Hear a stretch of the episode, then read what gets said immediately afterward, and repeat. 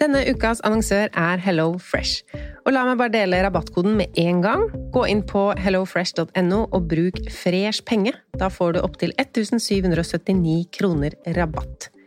Og i dag tenkte jeg å snakke om matplanlegging ut ifra et hva vil jeg egentlig putte i kroppen min-perspektiv. Altså ikke hva som er godt, men hvor mange ganger i uka vil jeg spise fisk, f.eks. Og med Hello Fresh-appen så er dette så fint. Du velger bare ut fra en liste hvilke fem eller fire eller tre middager du vil spise uka etter. Og så kommer matkassa til deg på døra. Og du trenger ikke å tenke noe mer på hva du skal spise. Denne uka så blir det for meg to fiskeretter, to vegetarretter og en kyllingmiddag til guttene. Gå inn på hellofresh.no og se selv hva du kan velge mellom. Bruk koden FRESHPENGE for å få opptil 1779 kroner rabatt på de første seks matkassene dine, pluss gratis levering på den første kassa hvis du ikke har prøvd Hello Fresh tidligere. Rabatten kan du også bruke hvis du har vært kunde hos Hello Fresh, men det er mer enn tolv måneder siden.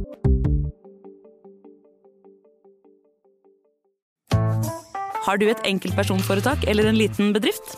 Da har nok Eller vent, sa du nei? Du vet at fiken også gjør det enkelt å starte din egen bedrift? Fiken superenkelt regnskap. Ja, og hjelp til å starte egen bedrift, da. Velkommen til Kjemperådet! Vi har fått inn et kjempeproblem her. Jeg leser. Jeg er på ferie med familien. Det er gøy, bortsett fra at jeg har gips på begge beina. Kan ikke bade eller dra noe sted. Jeg føler meg veldig begrenset. Hilsen begrenset far. Begrenset far trenger ubegrensethet. Yes. Ja, Kanskje ubegrenset data fra 399 med familierabatt hos Telenor? Ja, det løser jo alt! Bortsett fra det med badingen, da. Se nye mobilabonnement på telenor.no. Yes!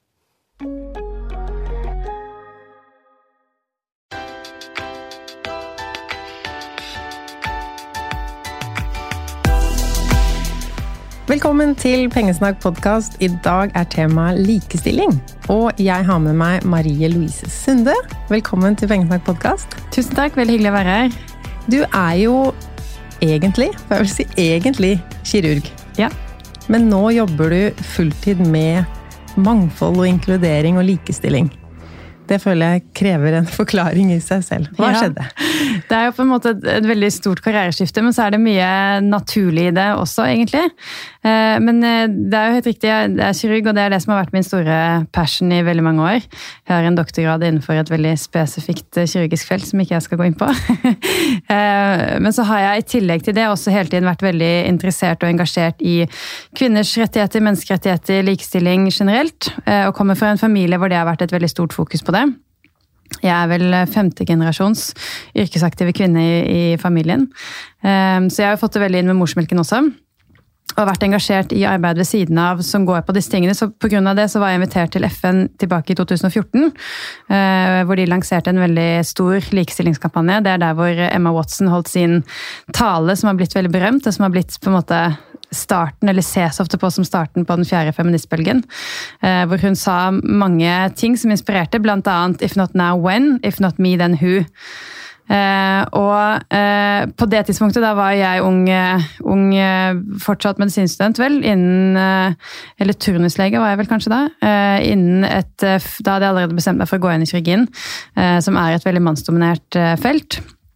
Og begynte jo allerede da å merke det veldig godt, eh, i alle mulige varianter.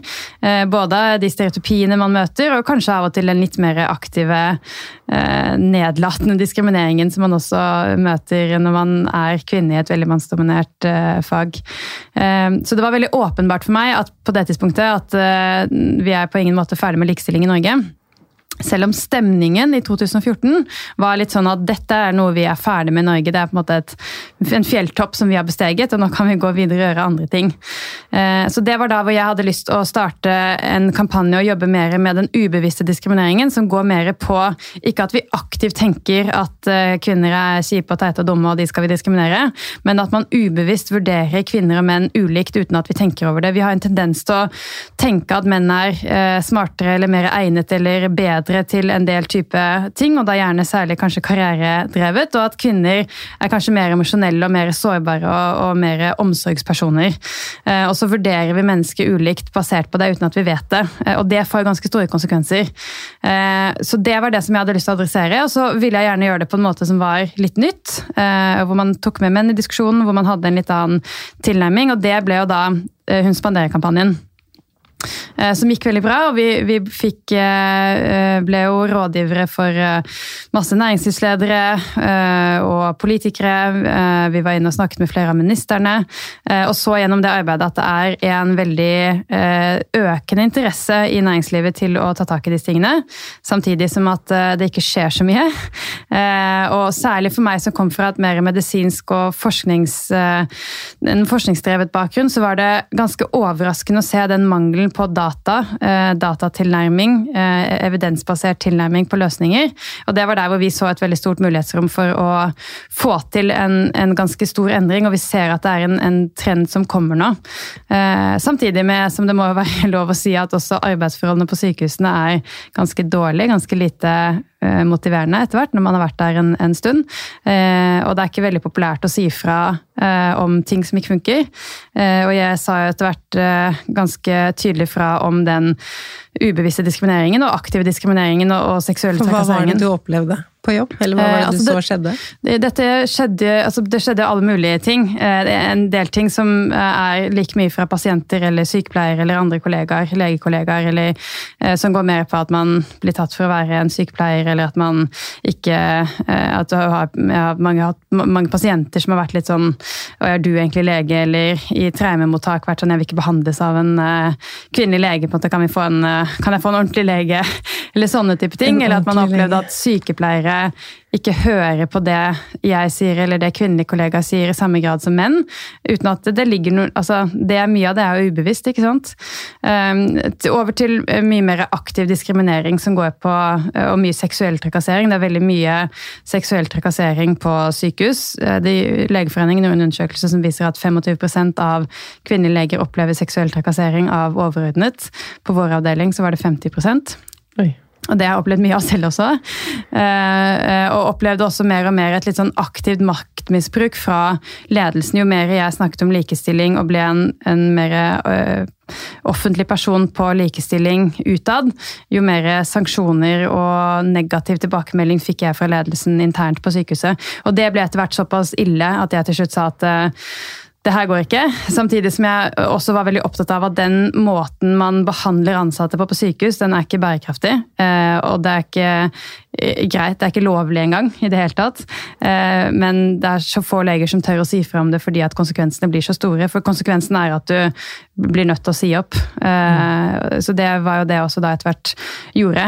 Og som var på en måte en veldig kjip ting og veldig kjip periode.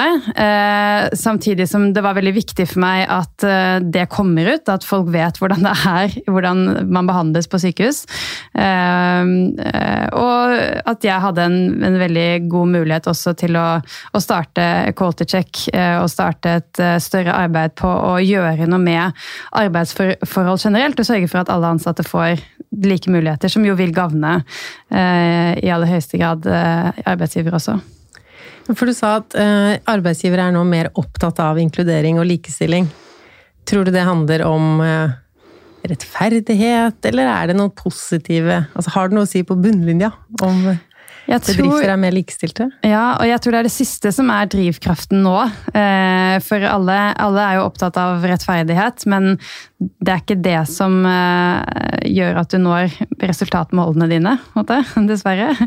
Uh, så det som vi ser, og som vi har sett en veldig stor Det startet rundt 2017, uh, eh, og så er det for hvert år så, så, blir den trenden tydeligere og tydeligere. Og tydeligere, og det er at vi ser en veldig økt stakeholder demand fra ulike, alle mulige ulike aktører på at dette er noe man må levere på. Det er alt fra investorer eller altså andre finansielle, de som står for kapital. litt sånn som det har vært innenfor klima, så begynner man nå også å bli veldig opptatt av uh, kultur og mangfold og inkludering uh, som en uh, slags risikovurdering, eller et premiss for å kunne hente kapital i ulike mm. former.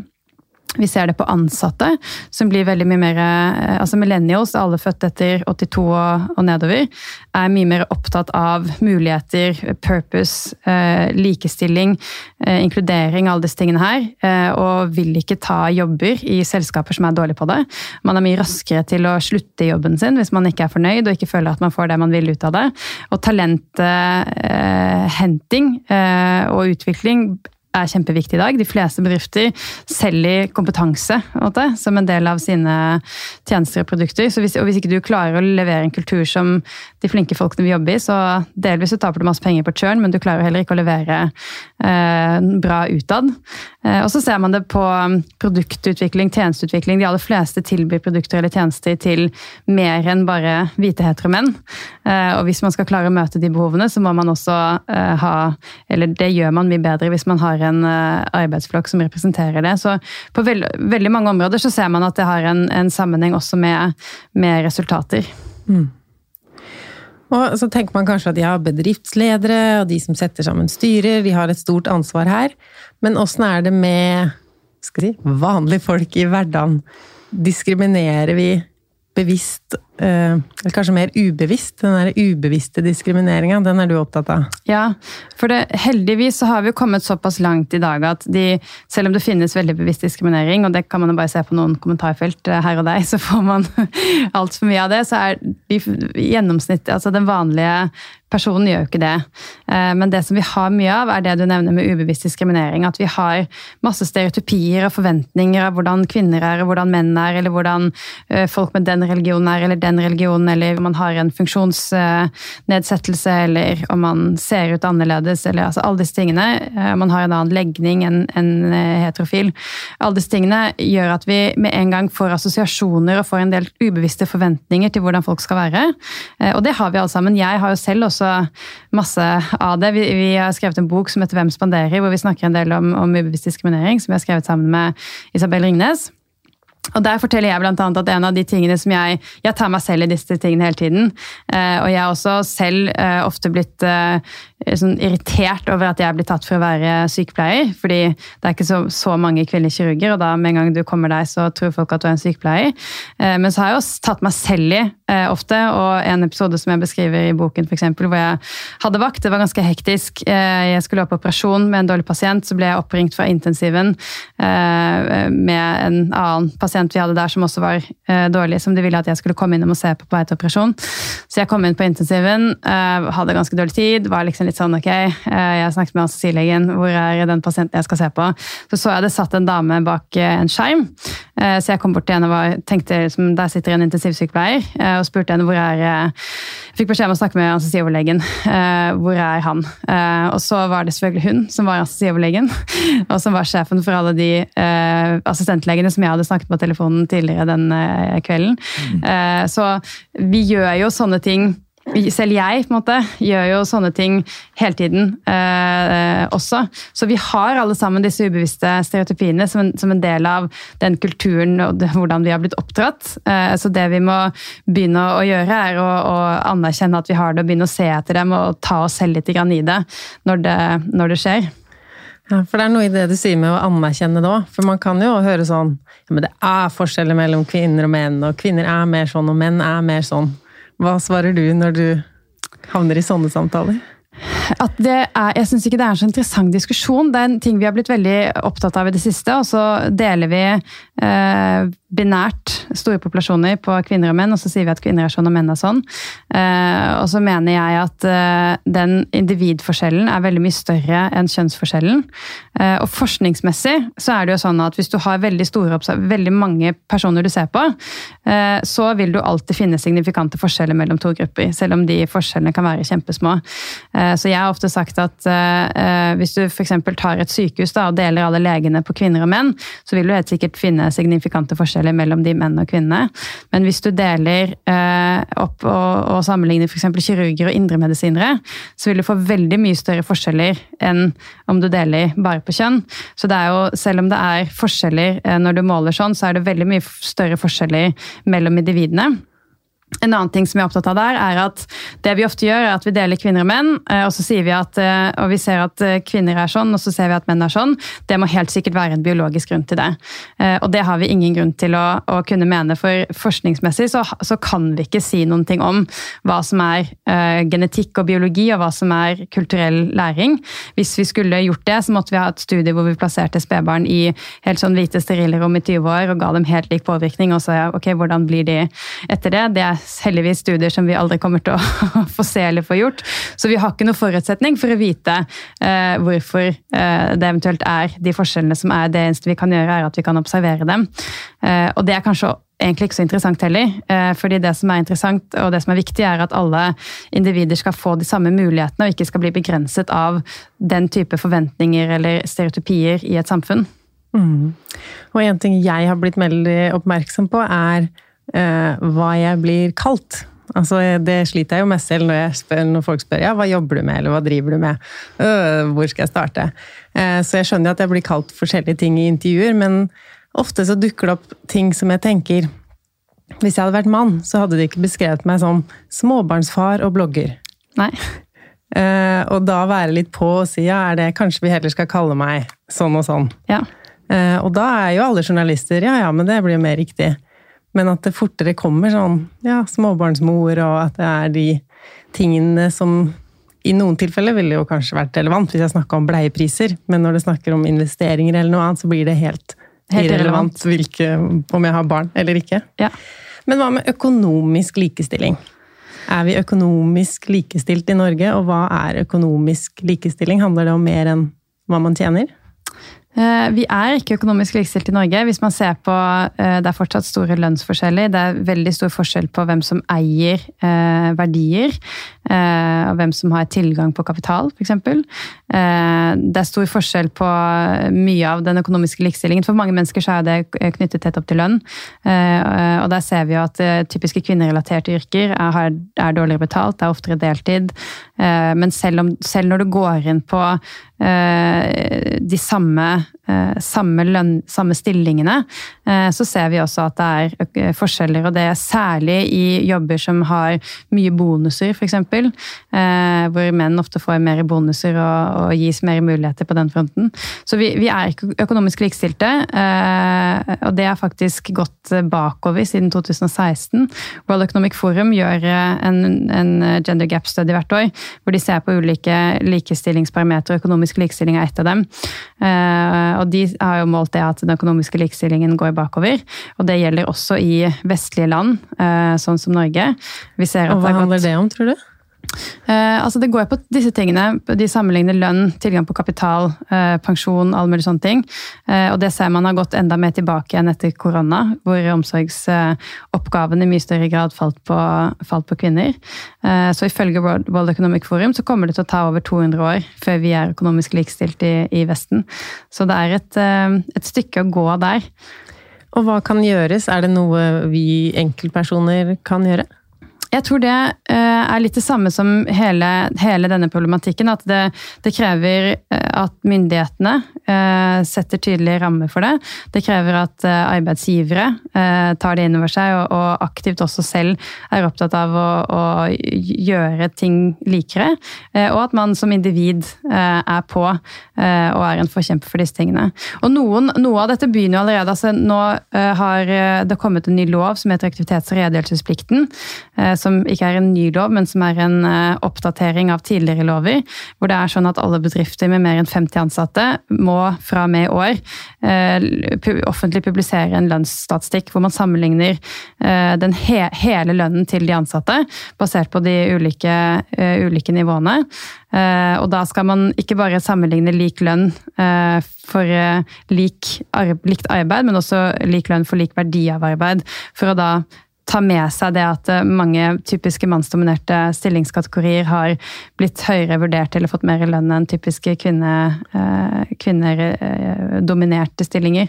Så der har jo myndighetene nå tatt et stort skritt fremover, og så er det opp til bedriftene å følge opp det og være opptatt av det og se de, om de har lønnsforskjeller eller ikke. Og utjevne det eventuelt. Og så må man som individer også være på og følge med og, og være en stemme i det. Og når man som individ skal være på, så er jo det vanskelig hvis man ikke vet hva de andre tjener, og tenker du at man bør snakke mer om sin egen lønn for å få det til å bli noe man snakker om på arbeidsplassen? Ja, det, det, tror jeg. Og gjennomsiktighet er noe som vi har vært veldig opptatt av i, i Culture og det er noe vi jobber med å øke. Nettopp fordi at uh, jo mer man tåkelegger ting, jo vanskeligere er det å vite om du egentlig får betalt det samme som din kollega eller ikke. Og det finnes veldig mange eksempler som, på kvinner som etter mange år plutselig uh, får se at sin uh, kollega med akkurat den samme jobben har en 200 000 høyere lønn enn det du har selv. Um, så, så det tror jeg definitivt at man skal gjøre. At man skal være mye mer transparent, og ikke så redd for å høre hva kollegaer tjener i, i samme stillinger. Eh, og så må man være mer bevisst på at man kan og skal forhandle. Eh, selv om, og det, kan vi også, det er også et annet poeng, måte, at det er ikke alltid like lett for kvinner å forhandle lønn som det er for menn. Nei, det må vi snakke mer om. Eh, det, og det er også litt interessant å gå på dette med stereotypier. For det er en, mm. Eh, en, del ting som vi har snakket mye om både med Hun spanderer og i Quartercheck, er dette, disse mytene vi har. At vi ser at kvinner tjener mindre enn menn. Eh, og så er det en annen ting vi vet, som er at menn forhandler oftere om lønnen enn det kvinner gjør. Og så trekker mange da den slutningen å ja, men er, kvinner må jo bare forhandle mer. Kvinner tør ikke, eller kvinner er ikke så ambisiøse. Eller her er jo løsningen bare at kvinner må forhandle mer. Og så har det vært gjort litt studier på det, og den, den som vi refererer til i boken vår, er fra, fra Iris Bonnet, som er en av de fremste forskerne på dette på Harvard.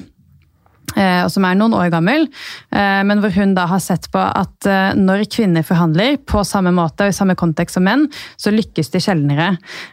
Og det som hun ser på er grunnen til det, er at menn, den måten menn forhandler på lønn på, er ofte det er ganske sånn hardt. Det er at dette er, jeg har vært så mye, jeg har fått tilbud fra dette og dette fra konkurrenten osv. osv. En veldig sånn ambisiøs måte å, å argumentere på. Det funker veldig bra når menn gjør det. Mens det som da hun og hennes forskningsgruppe har sett, er at når kvinner gjør det samme, så krasjer det ganske mye med den stereotypien vi har av kvinner. Eh, fordi vi liker ikke og... ja, Vi liker ikke når kvinner er på en måte så assertive og harde og bevisst sin egenverdi. Eh, så da fører det til at man ikke liker den damen så godt. Eh, og så vet man at det å bli likt er veldig viktig for å bli forfremmet og for å få lønnsforhøyelse. Og så har man også sett en annen ting, og det er at når menn kommer med kontratilbud fra andre konkurrerende bedrifter, så funker det veldig bra for menn. Eh, mens det funker dårligere for kvinner. Og det som de spekulerer da i studien, er at man har, man har lettere som arbeidsgiver for å sette en verdi på en kvinne og si at ok, hun er verdt en lønn på 700 000, eh, men hun er ikke verdt mer. Så hvis hun vil ha mer, så er det helt fint. Da kan hun gå til konkurrenten. Mens med menn så er man uh, mer opptatt av å, å, beholde dem, eller føle på en måte at verdien deres er litt høyere. Så det har ikke, i hennes studier så har ikke det funket så bra for, like bra for kvinner som for menn. Uh, men det som de har funnet ut at fungerte best for, for kvinner. Ja, Det er jo interessant. Ja, hva skal man gjøre? da? Hva skal man gjøre?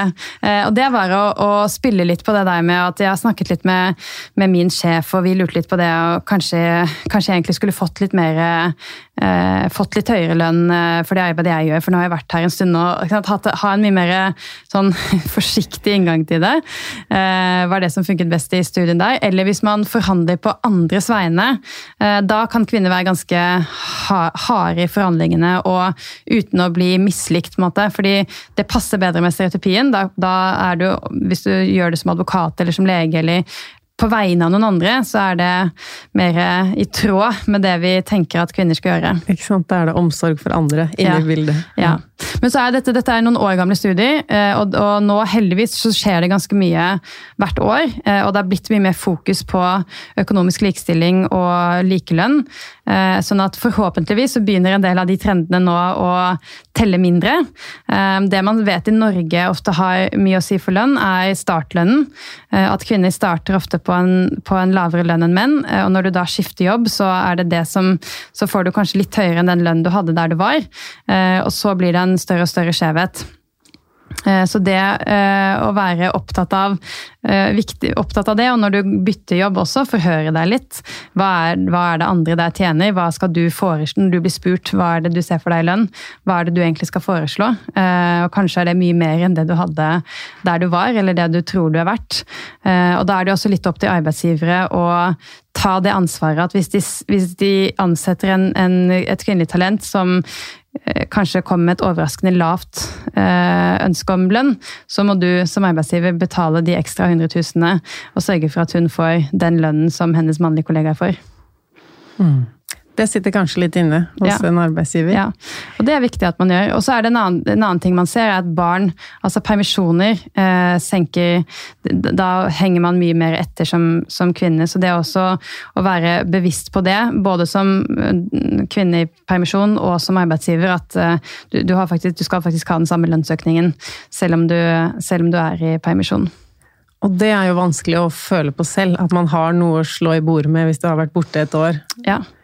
At du har eh, ikke noe å bevise, Nei. på en måte. Så dette ligger jo også mye på, og det er, det er det som vi er opptatt av også i det arbeidet vi gjør. at Det, å, å, det er mye systemstrukturer. Det er, øh, vi har til nå lagt veldig mye ansvar over på den enkelte kvinnen for å sørge for at hun ikke er underbetalt. Eh, Men det er vel så viktig, og kanskje enda viktigere, at arbeidsgiver tar det ansvaret og sørger for at man ikke har et øh, lønnsgap i sin bedrift. Og det skal vi snakke mer om, men først, er det noe hjemme? Er det noe sånn at økonomisk likestilling også spiller en rolle hjemme? Bør man tenke på det var Kanskje litt eh, at det Ledende. ledende Ja. spørsmål. Men hvem som styrer økonomien hjemme, betaler regninger. Starter det der, eller spiller ikke det egentlig noen rolle fordi lønnen er lønn og familieøkonomi er familieøkonomi? Det spiller selvfølgelig en kjempestor rolle. eh, Og der har man også sett til nå eh, Mye av trendene til nå er at mannens penger bruker Altså, i de fleste familier så er det fortsatt sånn at mannen har mer penger, fordi mannen har høyere lønn. Det er flere menn som eier formue eller aksjer eller andre type ting.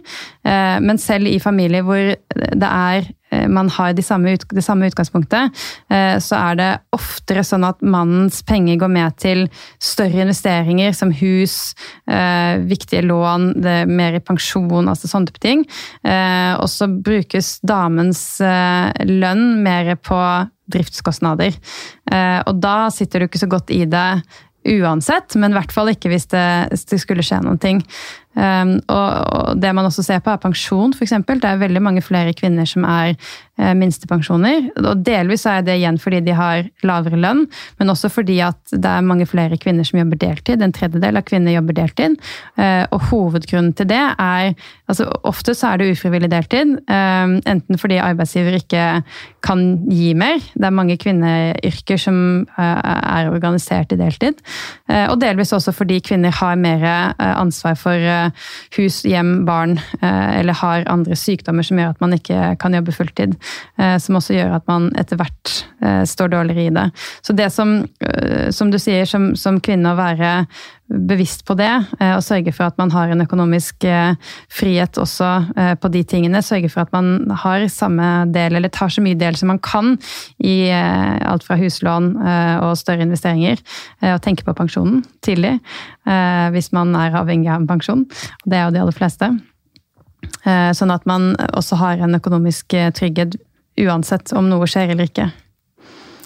Jeg sa jo innledningsvis at du jobber med likestilling. Og konkret så driver du Equality Check. Hva er det? Altså det Vi gjør, nå vi er en startup. Vi startet for eh, to år siden omtrent. Og det vi veldig kort gjør, er å hjelpe bedrifter med å identifisere og diagnostisere og eh, forbedre, reagere, agere på eh, likestilling og mangfold. Sånn at man eh, kan bruke, eller får ut det beste potensialet av alle sine ansatte, uansett hvem og hvordan de er, som da igjen vil gagne både individet, arbeidsgiver og samfunnet som en helhet. Og det dere har gjort, da, er jo å gjøre det mulig for hvem som helst å rate sin bedrift på Ja. disse parameterne. Ja. Eh, Hva syns bedriftene om det, da dere kom med, lanserte dette her? Altså nå er det jo eh, De fleste er egentlig ganske positive. Eh, og de bedriftene blir mer og mer positive. Eh, fordi de én ser at eh, likestilling og mangfold og inkludering er noe som er helt nødvendig for dem for å lykkes i fremtiden.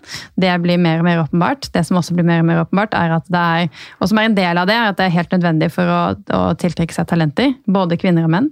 Eh, så mm, alle ting nå som gjør at man blir mer attraktiv som arbeidsplass, er mer og mer velkomment.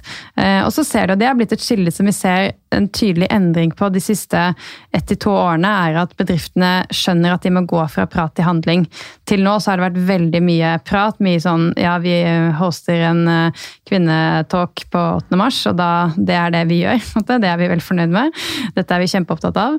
Uten at det skjer noen ting som påvirker selve driften av selskapet, eller strategien til selskapet. Det er det en endring på nå. for nå litt som vi snakket om i sted, så kommer det mye mer krav fra eh, ulike aktører på at man faktisk må se resultater. Og da eh, må du gjøre ting på en helt annen måte. Mm. Eh, så vi opplever egentlig ganske stor interesse nå. Og det vi gjør, er jo at vi da hjelper selskapene med hvilken data de skal samle inn. Både da mer strukturdata som kommer fra selskapene selv, som går på dette med lønn, permisjoner, avansement, alle mulige sånne ting.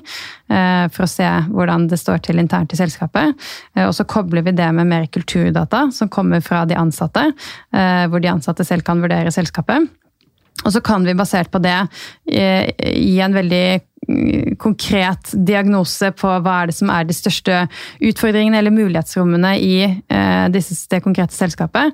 Og helt konkret hvilke forskningsbaserte løsninger er det de burde implementere for å, for å bli bedre. Og hva kan være grep dere foreslår? Hvis dere ser at altså Det man kan se på Equality Check på nettet, da, er jo disse anmeldelsene fra de ansatte. Ja. Der kan det jo stå f.eks. jo kvinne-menn-andelen er fin i ledelsen og sånn, men uh, de med minoritetsbakgrunn har jo i praksis null mulighet for avansement. Ja. Hva kan bedriften da gjøre det, så det kommer da helt an på hva, uh, hva utfordringene er i, i, bedriftene. Noen utfordringer er jo liksom store strukturer, strategier som krever endring i strategi og policy osv. Og, og så er det noen som er ganske enkle ting å implementere. Hvis man da ser på lønn, f.eks., så er det første at man begynner å måle lønnen. Uh, og det må jo nå alle gjøre pga. aktivitets- og redegjørelsesplikten, eller i hvert fall alle som har mer enn 50 ansatte. Så det er en sånn ting vi hjelper selskapet med helt konkret, er å, å kunne uh, levere det som kreves av rapporter etter loven. og på en enkel og oversiktlig måte. Eh, og når du da får oversikt over det, så kan du se helt konkret ok, hvor er det vi har vi et lønnsgap, hvor er det vi har det, eh, hvem er det som får eh, for lite betalt sammenlignet med, med sine respektive kontrollgrupper. Si. Eh, og så har vi veldig konkrete råd til hvordan man skal eh, gå gjennom og endre det. Så noen sånne råd kan jo være kjempekonkrete, eller sammen med rekruttering f.eks., hvor vi kan ha veldig enkle og konkrete råd på hvordan man skal rekruttere fra en bredere del av befolkningen. Og så er det andre områder som, mer, som krever mer policyendringer eller strategiendringer som er litt, litt større og mer langsiktige, langsiktige løsninger. Nå leste jeg jo i boka deres at det med forskjellsbehandling og mangel på likestilling er noe som har gått i din familie i flere generasjoner. Du har ja. historier fra både mor og bestemor. Absolutt. Eh, hva må skje for at du skal slutte å jobbe med likestilling og jobbe på sykehus igjen? Det er jo det store målet, da, at coachcheck skal bli unødvendig. Eh, det store målet vårt er at, ha, at alle mennesker skal ha like muligheter, eh, uavhengig av hvem de er, eh, globalt. Ikke bare her i Norge, men i resten av verden. Så, når det skjer, så vil jo ikke coachcheck være nødvendig lenger. Så det er det store, det store målet som vi jobber mot. Tusen takk for at du kom og delte av din kunnskap i Pengesnakk podkast. Veldig hyggelig å få lov å komme.